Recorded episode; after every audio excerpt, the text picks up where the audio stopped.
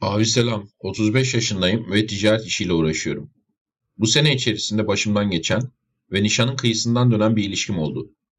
Ben bu işin içinden bir şekilde çıktım ve sonradan hatalarımın da genel anlamda farkına vardım. Ancak tanıdığım Mahmut abinin mutlaka yüzüme çarpacağı çok daha fazla hata çıkacağını biliyorum.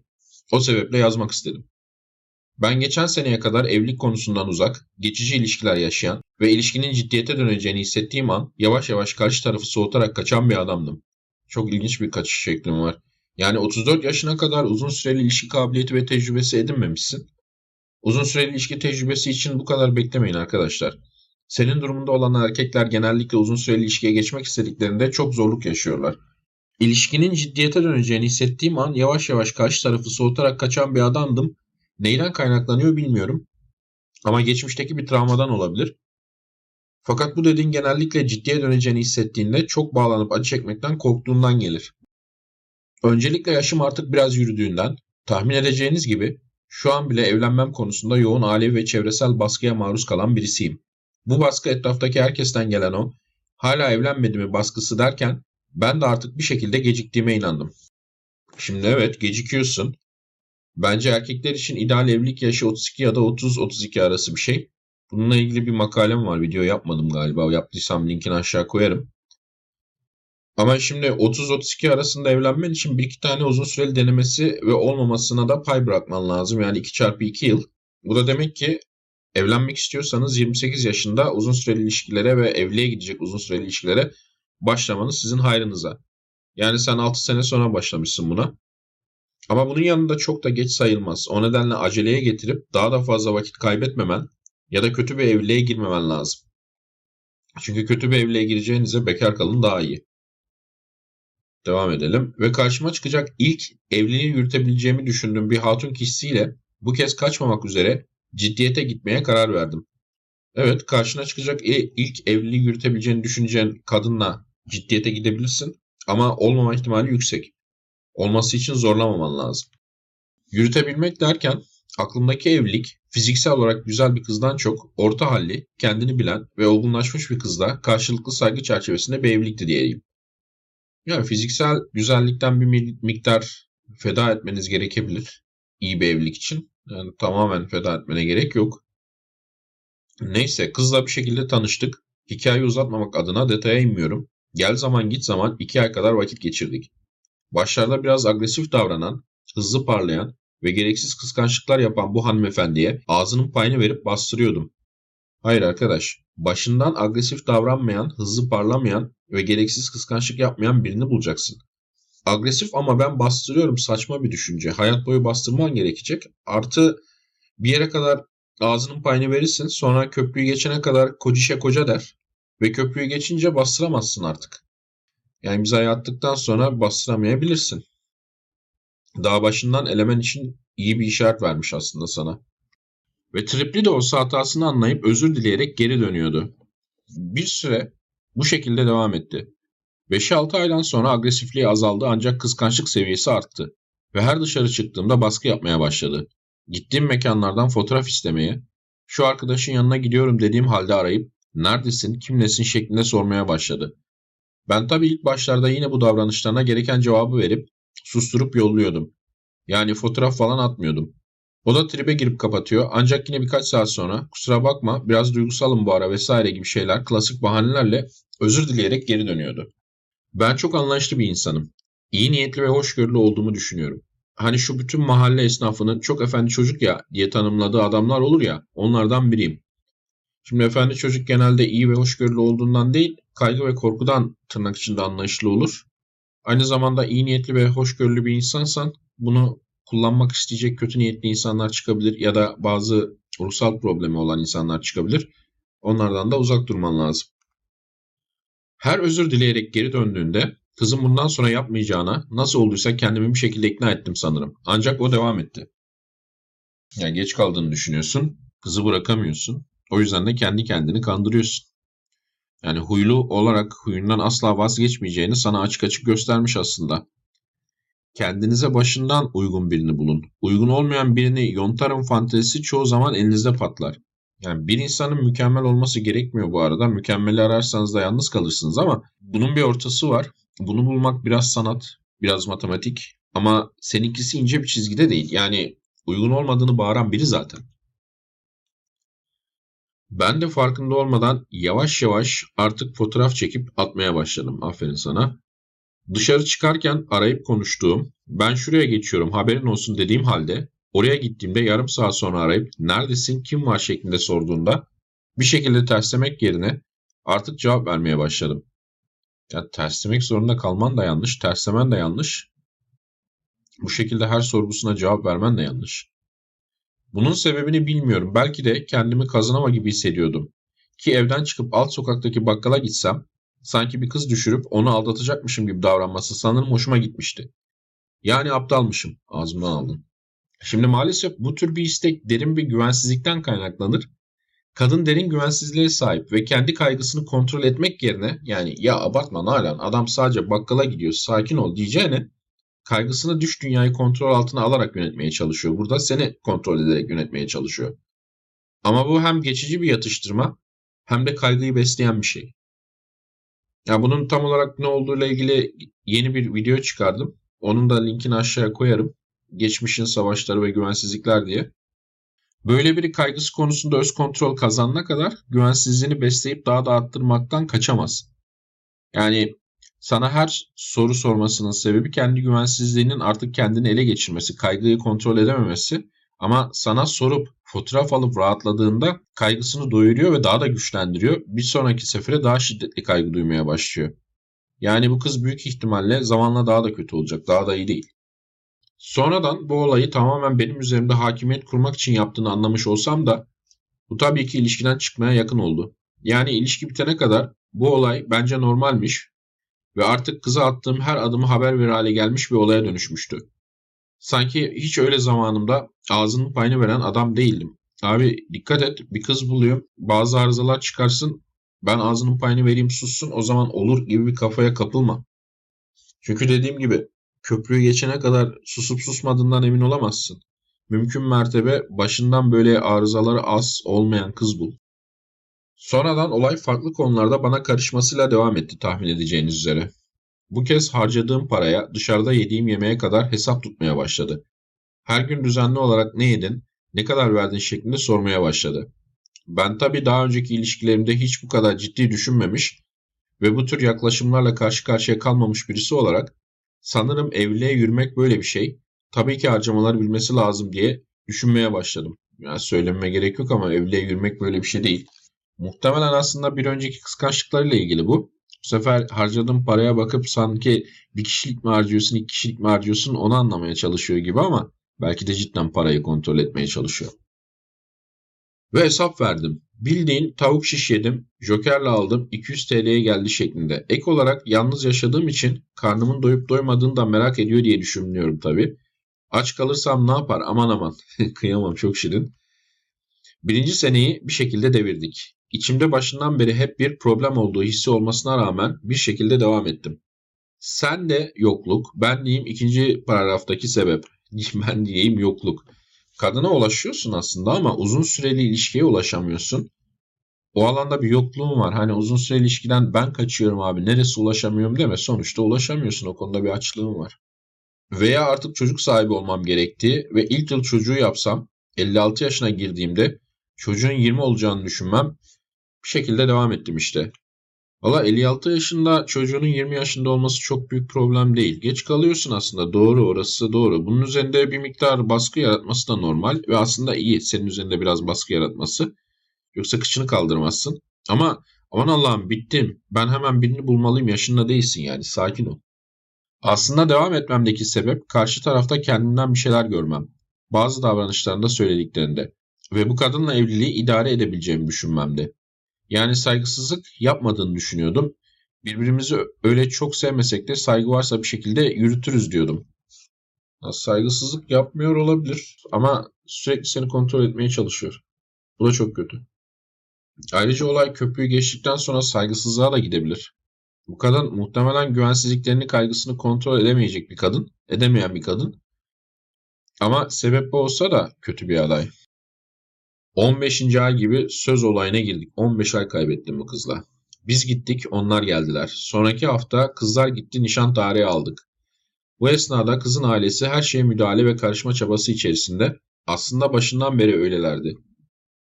Valla birçok psikopatoloji nesilden nesile aktarılır. Genetik faktörler de olmayabilir. Yani olabilir de ama genetik olmasına gerek yok. Yetiştirilişle de nesilden nesile aktarılabilir. Başından beri kızın yediğim yemeğe kadar annesiyle paylaştığını tahmin ediyordum. Ama ne güzel işte annesiyle arası iyi diye kendimi kandırıyordum.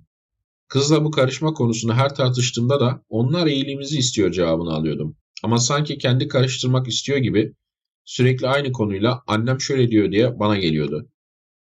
Ha, sana yalan söylemiyor muhtemelen. Kendisini inandırdığı yalanı da sana söylüyor. Neyse iş ciddiye bindiğinde kızın istekleri de başladı tabii. Bilezik, kolye vesaire. Bu da böyle hatunlarda ve ailelerde standart paket içinde geliyor galiba. Sabah 5 bilezik istiyorum diyen kız oha. Akşam canın sağ olsun hiç alma şeklinde kafa karıştırır, kafamı bulandırır oldu. Allah en berbat tip. Aralıklı pekiştirme ile zayıf adamı kendine bağımlı eder bu. Her istediğinin arkasında bizde gelenek böyle şöyle dayanağı vardı. Bu da böyle hatunlarda ve ailelerde standart paket içinde geliyor. Hani çocuk alma der, tamam almayayım dersin sonra trip atar ya. Aynı öyle bir olay. Ek olarak bazı şeyleri ucuza getirmeye çalışmam, örneğin elbise ayakkabı, kavga gürültü çıkarıp iki gün triplenmesine sebep oluyordu. Türkiye'de kadınlar arasında yaygın böyle bir embesil düşünce var. İşte sana ne kadar para harcarsa o kadar değer veriyordur. Ne kadar az harcıyorsa o kadar değer vermiyordur diye. Kızım sana harcasın gidip pavyonda karılarla harcayacağını senin üzerine harcasın falan diye de bir geleneksel kadın baskısı var. İşte erkeklere harcatacaksın arkadaş. Harcatıp değerini bilecek. Harcatan kadınlar kazanıyorlar falan gibi. Bu arada Allah'ın sevgili kulusun köprüden önce kocadan koçişe dönmeden önce sana 100 tane son çıkış gösteriyor. Takip eden günler kardeşlerimi de gezdirelim, doğum günümde şunu istiyorum, çocuk doğurunca altın istiyorum gibi devam etti. Evlenince gelecek istekleri tahmin etmek istiyorsan bunu şimdiden söylediklerini 5 ile çarparak anlayabilirsin. Aslında bu noktada geriye dönük ilk aydınlanmamı yaşadım 15. ayda. Aferin. Öncesinde yaptığı birçok şeyin aslında manipülasyon olduğuna ikna olmama bu aşama sebep oldu. İlk zamanlar seksi ben istemeden dayatması, çıkıp gezmek dolaşmak varken haftada 3-4 kez ısrarla seks istemesine kadar manipülasyona maruz kaldığımı gördüm. Kız azgın demek ki. Şayet sonradan bu istek azaldı. İki haftada bire kadar düştü. Eskisi kadar da istemeye başlamışsam böyle boyun eğdikçe. Aydınlandığım ikinci nokta bana ailemi ve arkadaşlarımı kötülemeye kalkması ve bunu ara ara yapmaya başlaması oldu.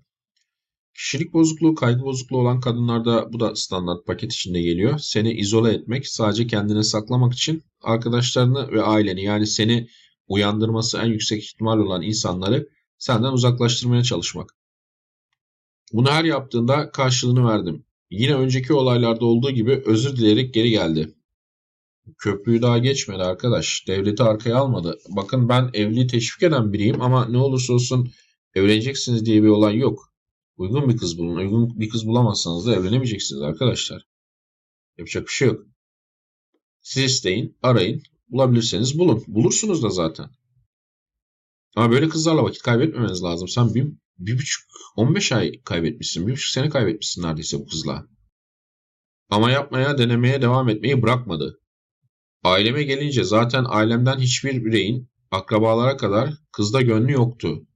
Ee, bana sürekli iyi düşün deyip duruyorlardı uzun zamandır. E sen niye dinlemiyorsun ki aileni? Yani bence açık açık evlenme demeleri lazım ama bu da iyi. Birçok ailede adam 35 yaşına geldi illa evlenmeli diye oğullarını ateşe atıyor böyle. Adam kızı bırakıyor. Adamın eline zorla çiçek tutuşturup kıza gönderiyorlar. Aman ikna et aman gönlünü al falan filan diye. Seninkiler en azından o konuda iyilermiş. Kız benimkilere dil uzatırken aynı anda kendi ailesini de tahmin edersiniz ki hep iyi anlatıyordu tabii ki. Öyle ki ileriye dönük kurduğu hayallerde bile ben değil annesi veya kardeşleri vardı diyeyim. Siz anlayın. Sen sponsorsun abiciğim. Yani arka planda. Nişana iki ay kalaya geldik. Dikkatli bir bakınca ailemin iyice huzursuz olduğunu gördüm. Aldım karşıma hepsini ve konuştum. Benim de kafamda çok şey var. Anlatın bakalım dedim. Anlattıkları her şeye tabii ki hak verdim. Detaya girmiyorum. Kızdaki hal ve davranışlar, ailesindeki hal ve davranışlar bayağı bir anlattılar. Kaldı ki hak vermesem bile ailem istemedikten sonra bu işe girecek birisi değilim. Evet aile istemedikten sonra böyle bir işe girmek zordur arkadaşlar. Akıntıya kürek, karşı kürek çekmektir.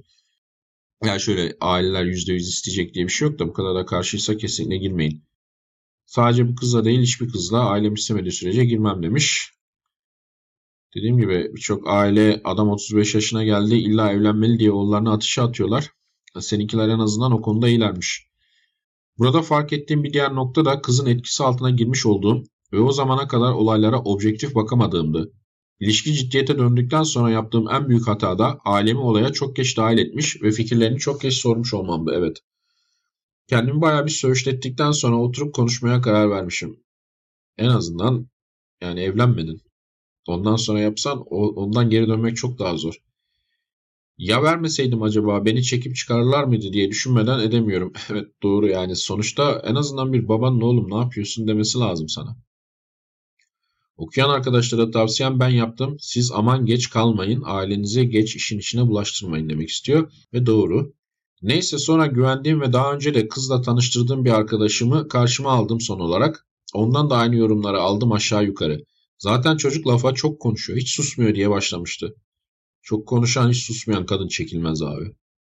Çevremden gereken fikir ve görüşleri topladım. Tahmin edebilirsiniz ki hepsi olumsuz. Ah ben kendimi ne duruma düşürmüşüm demiş. Sırf kendi iç sesimi dinleyip muhakeme yapmak için buna iyi geceler diyene kadar bekledim. Sonra da sabaha kadar oturup düşündüm. Düşündükçe dehşete düştüm. Düşündükçe kendimi nasıl bir durumun içine göz göre göre soktuğumu anladım. Ateşe gittiğimi anladım. Ve bu durumdan çıkmaya, bu işi bozmaya korkacak kadar paralize olduğumu da hissettim. Daha önce hissetmediğim bir şey.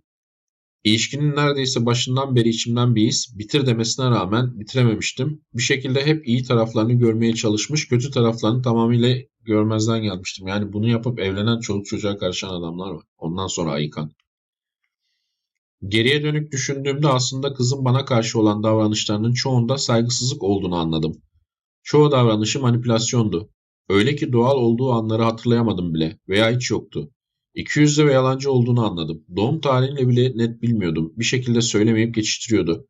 Geçmişi hakkında hiçbir şey bilmiyordum. Bir düşündüm. Bu kız neleri sever, nelerden hoşlanır bilmiyordum. Aklıma gelen tek şey bilezik oldu. Kolyeyi de unutma ama. Gelinin amcasının yengesi içinde zincir falan gelecekti sonra muhtemelen.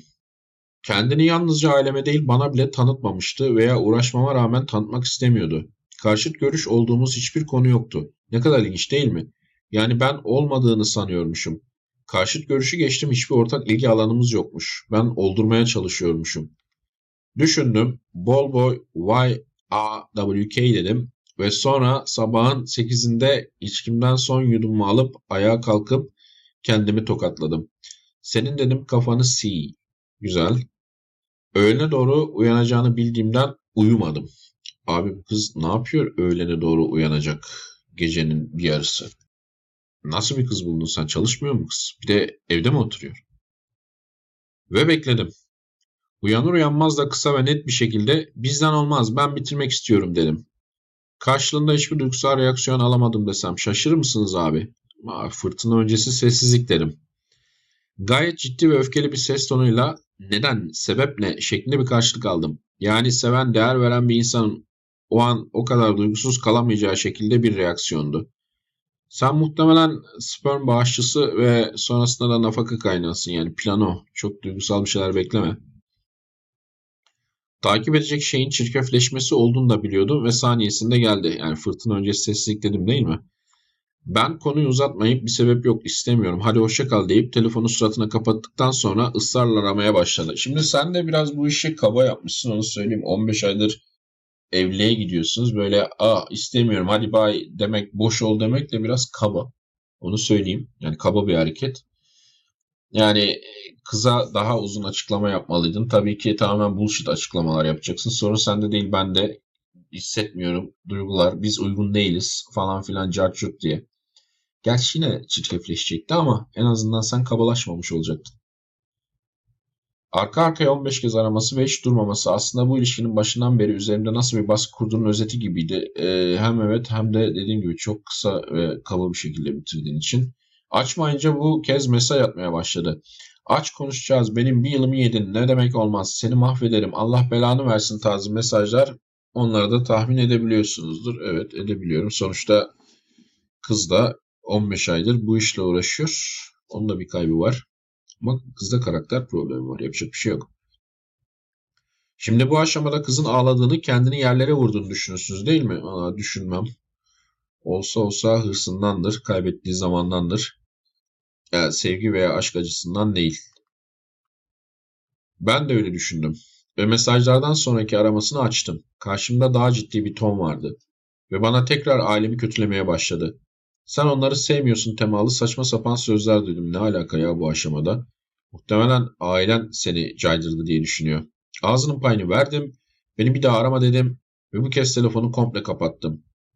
Şirkeflik tabii akşamına ailesinin ailemi aramasıyla devam etti abi. Olacak o Allah'ın emri. Çünkü aranızda nişana giden bir şey var. Karşılığını verecekler bir şekilde söz olarak en azından. Bir postada onlar münakaşaya girdi. Sağ olsunlar benimkiler de bir güzel ağızlarının payını verdi ve bu işi bitirdik. Ya şimdi bu ağız payı verme takıntının sebebi ne? Sürekli olarak ağız payı verdim, ağız, ağzının payını verdim, oturttum falan filan. Sende de bir gariplik var arkadaş aslında bu konuda. Hani dikkat etmen lazım. Neyden geliyor bu? Ağzının payını verdim atarı. Yani sanki ağzının payını verip oturtmayı becerebilsen sürekli böyle boy neyse falan gayet rahat evleneceksin gibi. Kendine ağzının payını verip oturtacaksın ama aslında arıza bir kısmı arıyorsun. Dikkatli ol. Böyle bir şey istiyor olabilirsin bilinçaltında. Yani bir kadın bulayım, diklensin ağzının payını vereyim. Ben de böylece kendimi daha üstün istediğim falan filan. Böyle bilinçaltı şeylerin varsa bunlardan uzak dur. Çok fazla kullanıyorsun bu. Ağzının payını verdim, oturttum falan filan şeklinde.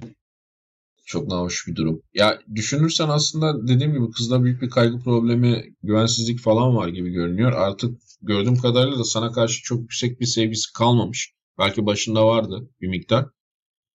Yani evlenmen doğru ama işte tabii buradan bu kadar bu kadar zaman kaybedip dönersen yani karşı tarafa da bir kötülük yapmış oluyorsun. Kendine de kötülük yapmış oluyorsun. 15 ay.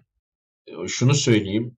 Yani bu durumda olan arkadaşlara 15 aydır görüşüyoruz. Şimdi nasıl geri dönerim? Düğüne bir ay kaldı. Nişana bir ay kaldı falan gibisinden düşüncelere giriyorsanız her zaman şunu söyleyeyim.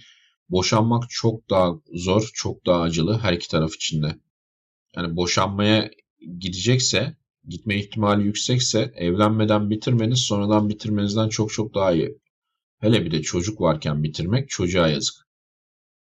Bir seneden fazla da çöpe atmış oldun sen bu arada dediğim gibi. Maalesef muhtemelen bu zamanda uygun bir kızla tanışırdın. Ee, öyle bir fırsat da kaçırdın. Fırsat maliyeti de çok yüksek bu olayın. Sonradan düşününce kızda tespit ettiğim çok daha fazla kırmızı ışık var. Muhtemelen çoğunu da anlatmadım burada. Evlenir evlenmez hemen çocuk istiyorum bir örnek mesela. Burada bir kırmızı alarm yok arkadaş. Evlenir evlenmez çocuk isteyebilir. Özellikle de 28 yaş üstünde bir kızsa. Ne sanıyorsun ki yani evlendikten 5 sene sonra mı isteyecek mesela eğer kız 30 yaşındaysa falan. Benim ilişki içerisindeyken bunları görünme sebebim başında bahsettiğim midir yoksa hapı hala içselleştirenmemem midir bilmiyorum. Ancak her tecrübe bir kazanımdır gözüyle olaya bakıyorum. Yani senin uzun süreli ilişkilerden kaçma sebebin işte tam olarak bu muhtemelen bırakamayacağını ya da kolay bırakamayacağını, kandırılacağını bilmek. Kendini koruma mekanizması olarak kaçıyorsun daha da güçlenip daha da uyanık olup gerektiğinde zor kararlar verecek kadar duygusal güce sahip olup bu işe girmek yerine kaçıyorsun sen bu işten. Kısa süreli ilişkilere kaçıyorsun. Ama bu zayıflığını güçlendirmek adına buna meydan okuyarak denemeye devam etmelisin.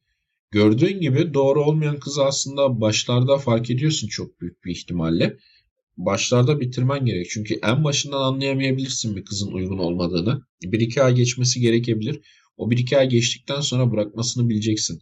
Sen bırakamayacağını bildiğin için zaten uzun süreli ilişkilere girmiyorsun. Kendini koruyorsun. Ama böyle kendini korumanın e, bir maliyeti var. Uzun süreli ilişkilere giremiyorsun. O yüzden kendini daha da akıllanarak, daha da güçlenerek koruman lazım. Bugüne kadar evliliğe en fazla yaklaştığım ilişki buydu ve bundan da öğrendiğim bir sürü şey var.